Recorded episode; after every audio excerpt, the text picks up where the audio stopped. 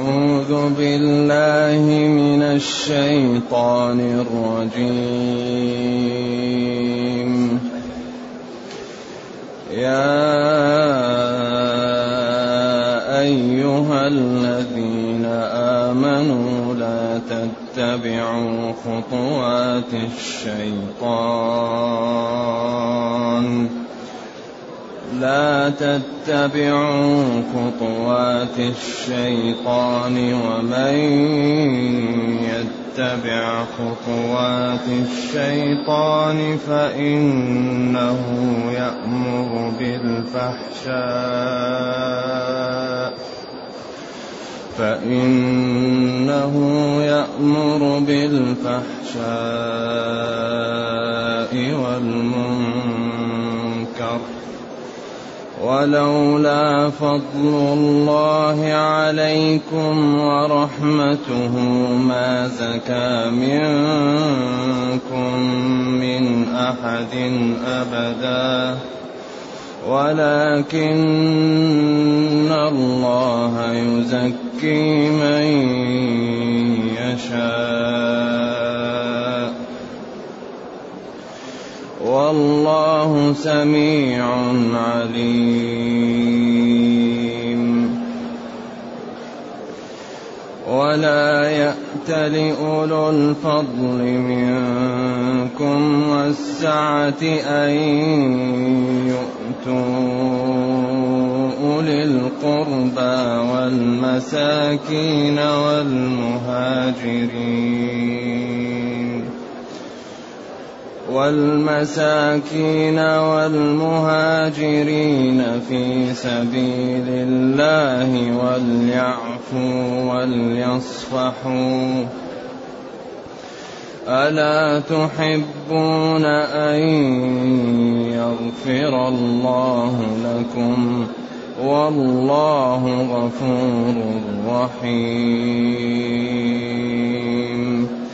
إن الذين يرمون المحصنات الغافلات المؤمنات لعنوا لعنوا في الدنيا والآخرة ولهم عذاب عظيم.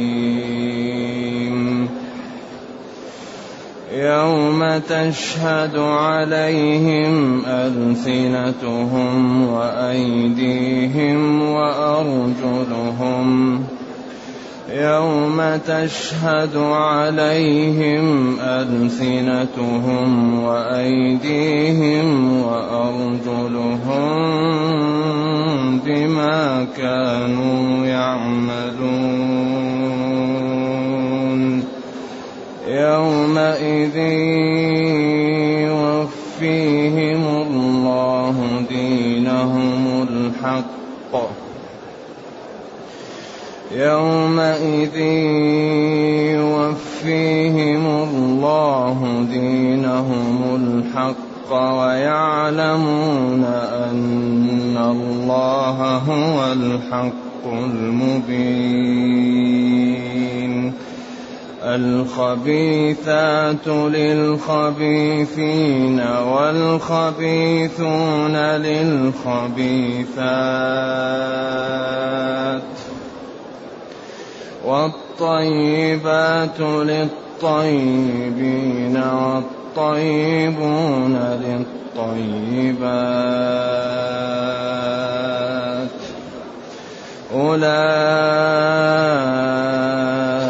مبرؤون مما يقولون. أولئك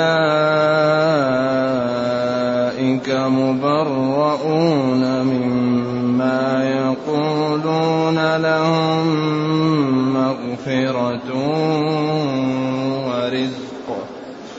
لهم مغفرة ورزق كريم.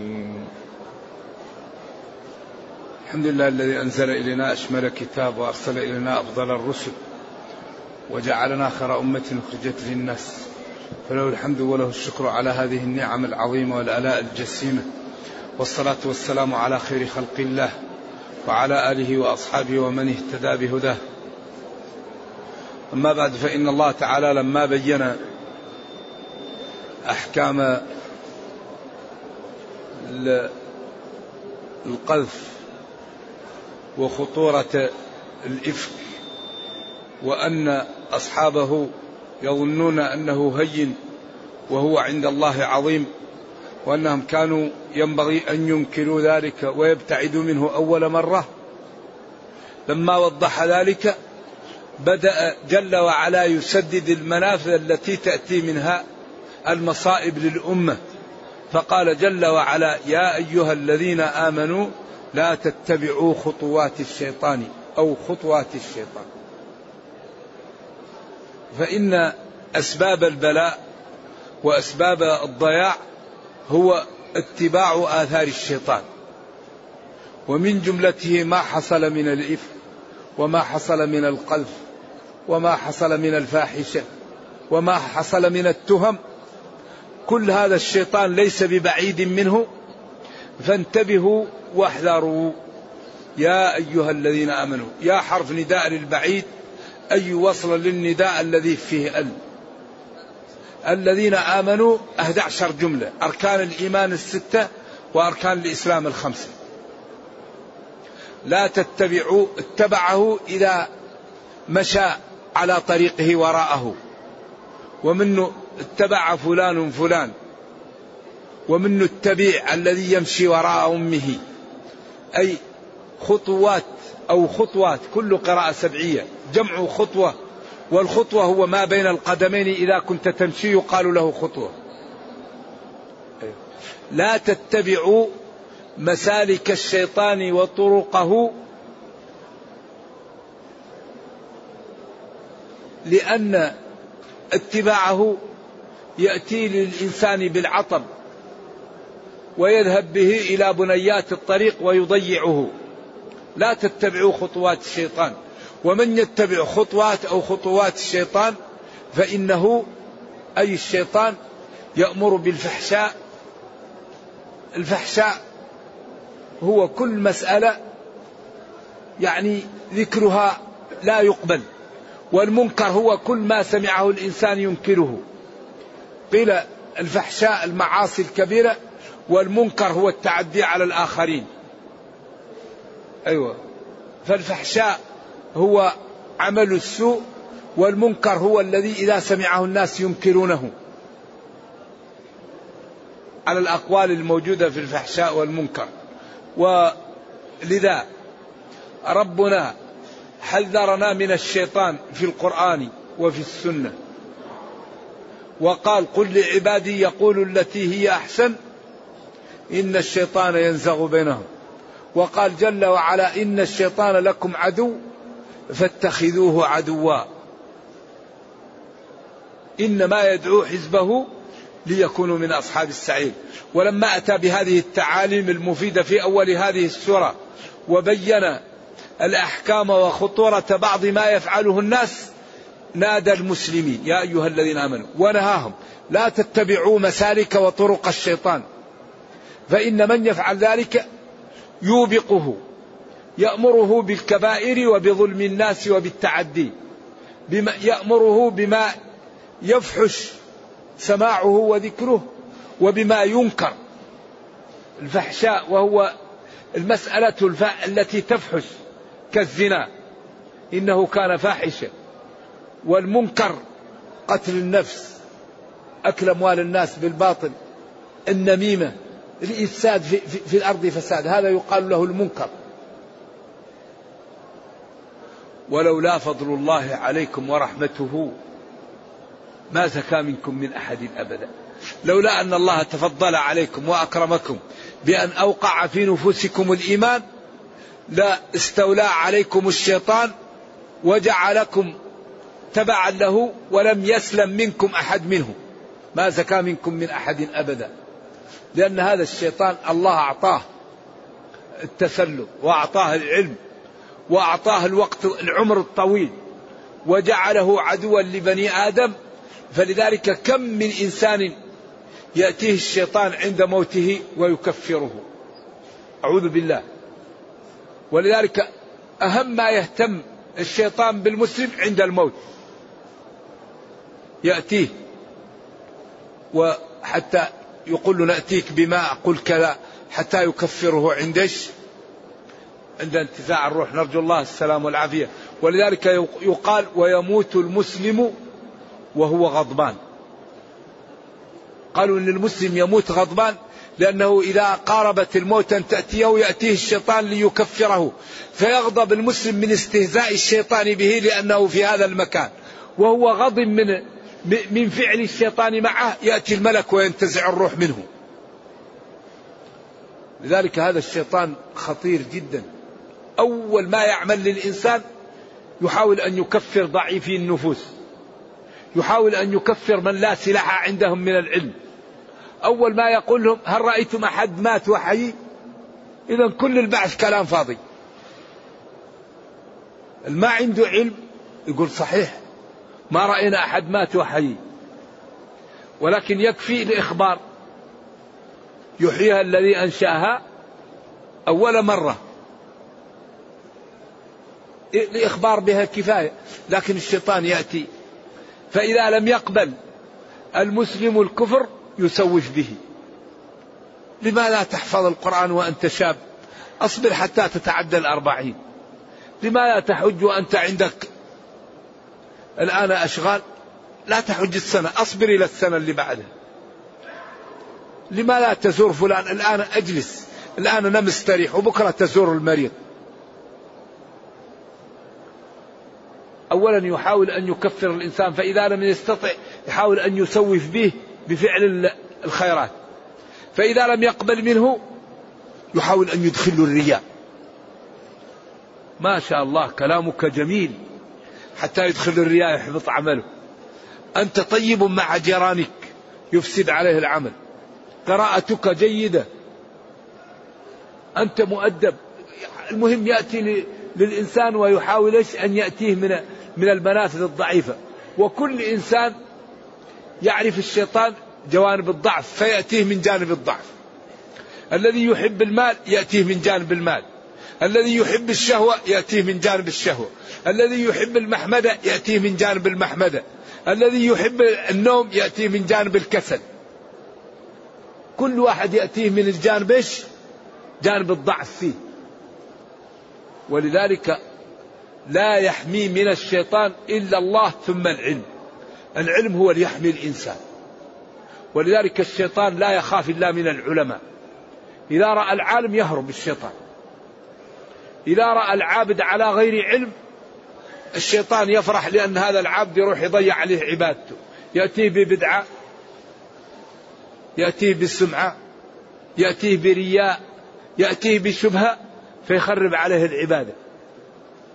لذلك ما يقاوم الشيطان إلا بالعلم. العلم هو الذي يخاف منه الشيطان وهو الذي لا يستطيع أن يلبس عليه إذا كنت عالما إذا أراد أن يلبس عليك أنت تدفعه بالعلم. فإنه الشيطان يأمر بالفحشاء والمنكر ولولا أن الله تعالى تفضل عليكم ما استقام منكم أحد ما زكى منكم من أحد أبدا. ولكن الله بفضله ورحمته يزكي من يشاء ويجعله يستقيم. ثم عاد الكلام إلى ما حصل في الإفك لأن مصطح بن أثاثة كان ينفق عليه أبو بكر وهو ابن عمته وهو ابن عم النبي صلى الله عليه وسلم وكان فقيرا. فقال والله لا أنفق على مصطح. ما دام أنا أنفق عليه ويدخل مع الذين خاضوا في عائشة فلا أنفق عليه. فأنزل الله ولا يأتلي أي ولا يحلف ولا يقسم. أولو الفضل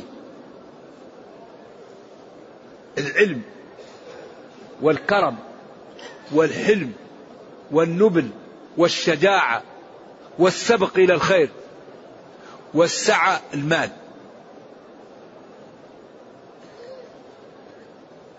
من أن يأتوا أولي القربى أن يأتوا أولي القربى. ومن جملتهم مصطح. أولي القربى والمساكين والمهاجرين في سبيل الله. كل واحدة من هذه جديرة بأن يعطي الإنسان لأجلها فكيف إذا اجتمعت الثلاثة؟ لا يأتلي لا يحلف أو لا يقصر. لا يألونكم خبالا أي لا يقصر على القول الثاني. ويتوانى. فقال أبو بكر أحب أن يغفر الله لي فكفر عن يمينه وعاد النفقة على مصطح وقال والله لا أرفعها عنه. دين دين جميل للإسلام ولا يأتلي. يقسم أولو الفضل العلم الشجاعة الكرم التسامح والسعة المال. أن يؤتوا أولي القربى من أن يؤتوا أولي القربى والمساكين والمهاجرين. وكل الصفات الثلاثة في من؟ في مصطح. بعدين قال ألا تحبون أن يغفر الله لكم؟ عرض تحضيض ألا تحبون أن يغفر الله لكم؟ والله إيش؟ كثير المغفرة والرحمة بعبيده. ومن جملة ذلك رحم مصطح. ورحم من كان معه ممن ليس بمنافق. تابوا فتاب الله عليهم. والله يغفر الذنوب جميعا. فقال أبو بكر أحب أن يغفر لي وكفر عن يمينه وعاد النفقة على مصطح ولذلك ورد عن نبينا صلى الله عليه وسلم من حلف على يمين ورأى غيرها خيرا منها فليكفر عن يمينه وليأتي الذي هو خير. ولا تجعلوا الله عرضة لأيمانكم أن تبروا. واحد يقول له تعال اشهد لي يقول أنا أقسمت أقرضني أقسمت تعال ساعدني أقسمت لا تجعلوا الله عرضة لأيمانكم. كراهة أن تبروا أو مخافة أن تبروا. لا يجوز. المسلم إذا أقسم على يمين كفر عن اليمين وأتي الذي هو خير. وبأحف إذا كان في قطع رحم إذا كان في عدم فعل خير إذا كان في عدم زيارة مسلم إذا كان في عدم مساعدة ضعيف زيارة مريض إصلاح ذات بين أي يمين فيها قطع رحم أو فيها الوقوف عن الخير كفر عنها وافعال الخير. ولذلك الأيمان أربعة. يمينان يكفران ويمينان لا يكفران. والله لا أفعلن والله لا أفعلن. هذان يكفران. والله ما فعلت والله لقد فعلت. هذا لا يكفر. لأنه إن كان يعتقد لا يؤاخذكم الله باللغو في أيمانكم وإن كان كذب فهو يمين غاموس. على القول الراجح. ولذلك هذه الأيمان ينبغي أن تحفظ. واحفظوا أيمانكم. إذا يقول ولا يقسم. أصحاب الفضل والسعة من أن يأتوا أولي القربى مصطح واليتامى والمساكين. ألا تحبون أن يغفر الله لكم؟ أيوة. المساكين أن يؤتوا أولي القربى والمساكين والمهاجرين.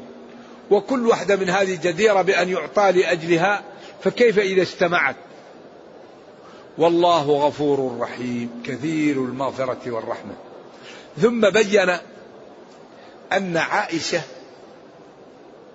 طيبة وزوج الطيب ولا يصدر منها إلا طيب وفي ذلك إغماز وعيب وإزراء بالمنافقين ضمني لأنه قال الخبيثات إن الذين يرمون المحصنات الغافلات المؤمنات. إن توكيد. يرمون يشتمون ويقذفون. المحصنات جمع محصنة وهي العفيفة. هنا. العفيفة. غافلة. قلبها بريء. لا تفكر في المعاصي ولا تفكر في الذنوب ولا تفكر إلا في الطاعة. قلبها قلبها نظيف. ليس مستنقع. ليش للمعاصي. كما قال الله فيطمع الذي في قلبه مرض لكن هذا قلب غافل عن الذنوب غافل عن السيء. المؤمنات. إذا عفيفة وبعيدة عن التفكير في المعاصي ومؤمنة. وهذا عائشة. الذين يفعلون ذلك لعنوا في الدنيا والآخرة عياذا بالله. طردوا من رحمة الله في الدنيا والآخرة ولهم عذاب عظيم. قيل هذا خاص بعائشة. وقيل هذا المقصود به المنافقون.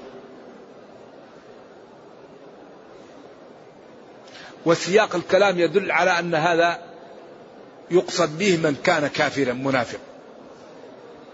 ولكن الآية وإن كانت في المنافقين تجر حكمها على كل من يفعل هذا بالمسلمين. لا يجوز لمسلم أن يرمي مسلمة غافلة مؤمنة. والذي يفعل ذلك يستحق اللعن في الدنيا والآخرة. فاللعن في الدنيا هو الجل والآخرة هي العقوبة التي تنتظره إن لم يتب. ولهم عذاب عظيم. عذاب من الله تعالى عظيم. يوم تشهد عليهم ألسنتهم وأيديهم وأرجلهم بما كانوا يعملون. إذا لا مهرب. فالذي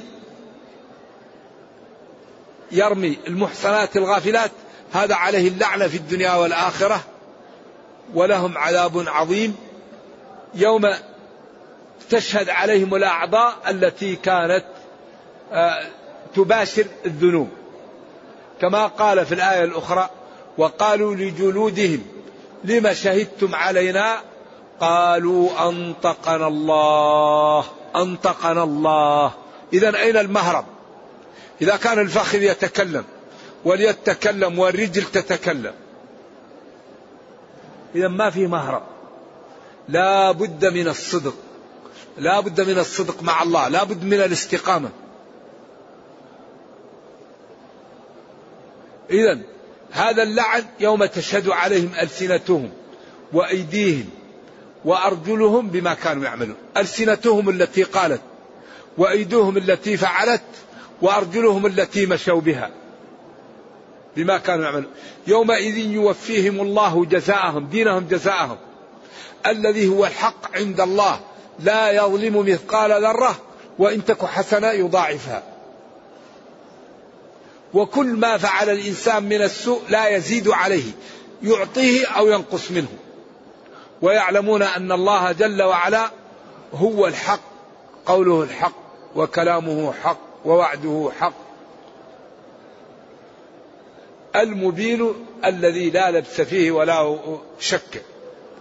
ثم بين أن عائشة رضي الله عنها طيبة عند طيب وكلامها طيب بخلاف الذين خاضوا في الإفك والمنافقين. الخبيثات للخبيثين. النساء الخبيثات للرجال الخبيثين. والكلمات الخبيثات للرجال تصدر من الرجال الخبيثين. والطيبون من النساء من الرجال للطيبات من النساء. والطيبون من الطيبات من الأقوال للطيبين من الرجال. و و و والطيور على أشكالها تقع. كل إناء بالذي فيه ينضح. ومهما تكن عند امرئ من خليقة وإن خالها تخفى على الناس تعلمي. إذا عائشة طيبة فأعمالها طيبة.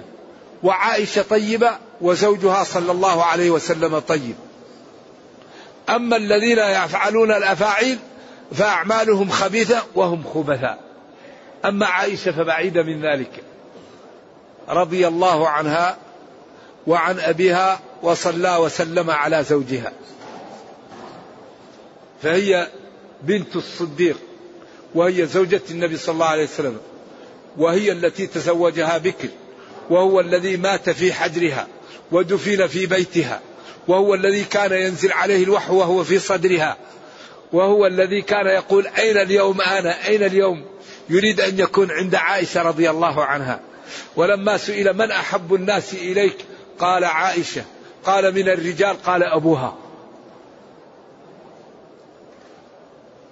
رضي الله عنها. ولكن الله يمن على من يشاء من عباده. إذا الخبيثات من الأقوال للخبيثين من الرجال. والخبيثات من النساء للخبيثين من الرجال والطيبات من الأفعال للطيبين من الرجال والطيبات من النساء للطيبين من الرجال. أولئك يدخل فيها دخول أول عائشة رضي الله عنها. مبرؤون مبعدون مما يقولون. هي ومصطح برأهم الله وأبعدهم. نعم هي وصفان مبرؤون مما قال الناس. لهم من ربهم مغفرة ورزق كريم في الجنة. لهم مغفرة ولهم رزق كريم يوم القيامة في الجنة. وهذا وعد من الله يحقق. نرجو الله جل وعلا أن يرينا الحق حقا ويرزقنا اتباعه وأن يرينا الباطل باطلا. ويرزقنا اجتنابه وأن لا يجعل الأمر ملتبسا علينا فنضل. اللهم ربنا أتنا في الدنيا حسنة وفي الآخرة حسنة وقنا عذاب النار. سبحان ربك رب العزة عما يصفون وسلام على المرسلين والحمد لله رب العالمين. والسلام عليكم ورحمة الله وبركاته. يقول سؤال إذا مات ابن آدم انقطع عمله إلا من ثلاث. ثم قال والولد صالح يدعو إليه. السؤال الولد غير الصالح لا يقبل الله دعاءه. الولد الصالح لا يدعو أصلا لوالديه. أيوة لأنه غير صالح لا يدعو له. الذي يدعو لوالديه الصالح. أما غير الصالح ما هو داعي لنفسه ولا لغيره. نرجو الله السلام والعافية.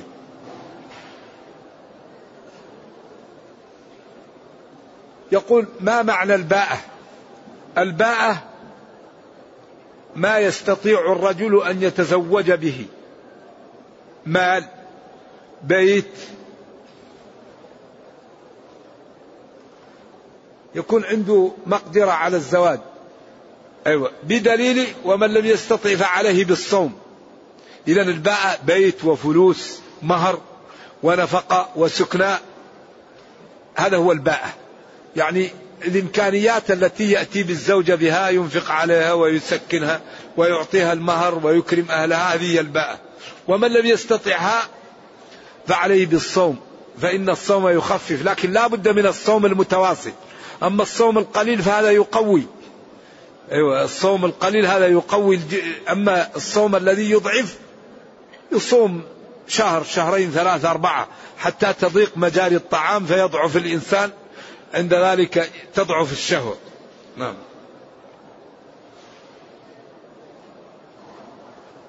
تحريم قطع الشجر في الحرم. هل معناه قطع الشجرة كاملة أو لا يقطع شيء من شجر الحرم؟ إن كانت كبيرة ففيها بدنة وإن كانت أصغر من ذلك ففيها شاة وإن كان غصن فعليه أن يعطي شيئا ولا يقطع شجر الحرم. لا لا لا الحرم شجر لا يقطع إلا إذا كان مغروس. إذا غرس فذلك أمره خاص. الحلف بالطلاق هذا خطر. هل عليه كفارة؟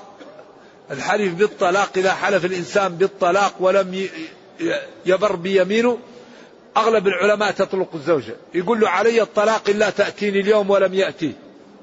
ولذلك يبتعد المسلم عن الطلاق. لا لا يجعل نقاشه في طلاق ولا يجعل اموره فيها طلاق. إذا أراد أن يطلق زوجه يطلقها. وإذا أراد أن يمسك زوجه يمسكها. ولا يترك ولا يتكلم في الطلاق. ثلاث جدهن جد وهزلهن جد. الذي يطلق يطلق مشكل فما في الطلاق جد ولا هزل. إذا طلق طلق. وهذه مبنية على على على الضيق الفروج أصلها محرمة. فالمسلم يبتعد عن الطلاق ولا يتكلم بالطلاق إلا إذا كان قاصدا له. ولا يخوف ولا يهدد بالطلاق. إن أراد زوجه أمسكها وإن أراد أن يتركها تركها. أما يقول أنا لا أدري لا يمسك لسانه. واحد جاء لابن عباس وقال طلقت زوجي مئة مرة. قال له طلقت عليك بثلاث؟ وثلاثة وتسعين تلاعب بشرع الله. ويقول يرتكب أحدكم الأحموق ويقول يا ابن عباس يا ابن عباس. ما عندي لكم شيء تملكه ترسله وتقول تذهب للناس. أمسك زوجك عليك. واتق الله. فإن أردتها أمسكها وإن, وإن أردت أن تطلق طلق وأنت عازم على الطلاق لكي لا تندم. ولذلك أعطاك واحدة. وأعطاك ثنتين. الطلاق مرتان الذي تملك بعده الرجعة. بعدين إمساك بمعروف أو تسريح بإحسان. أعطاك أن تطلق أول شيء. وبعدين أن تطلق مرة ثانية. وجعل تروح أنت كل ما عندك ترميه وتقول شوفوا لي مخرج. شوف مخرج لنفسك. ولذلك الذي فيه كلام إذا قال لزوجه هي طالق هي طالق هي طالق. لأن هذا محتمل للتأكيد والتأسيس. أما إذا قال هي طالق ثلاث أنت تملك ثلاث وأرسلتها هذه مشكلة. أما الذي فيه كلام عند عند عند السلف إن الناس تعجلوا في أمري. ولذا قال له ما أردت إلا واحدة قال ما أردت إلا واحدة. ما أراد إلا واحدة إذا كان هي طالق هي طالق هي طالق. أما إذا قال هي طالق ثلاث كيف أراد واحدة؟ فلذلك ينبغي للمسلم أن يحافظ من الطلاق ويبتعد عنه. لأن مع الأسف كثير من المسلمين لا يبالي بالطلاق ويكون معاشرته مع زوجه حرام. لأن إذا كان بعد الثالثة فلا تحل له حتى تنكح زوجا غيره ويدخل بها ويطلقها وتعتد. عند ذلك يكون هو من أحد الخطاب. أما إذا كانت بعد الثالثة فلا تحل له حتى تنكح زوجا غيره. فالمسلم يتقي الله ويبتعد عن هذه الأمور الحقيقة. قوله تعالى وما يعمر من معمر ولا ينقص من عمره إلا في كتاب. هل ينقص أو يزاد في العمر؟ لا. هذه لغة عندي درهم ونصفه. أي ما يعمر من معمر ولا ينقص من عمر معمر آخر إلا في كتاب.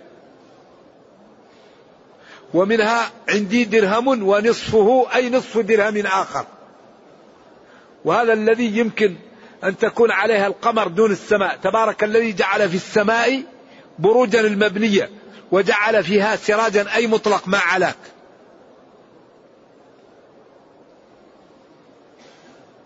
إذا وما يعمر من معمر ولا ينقص من عمر معمر آخر.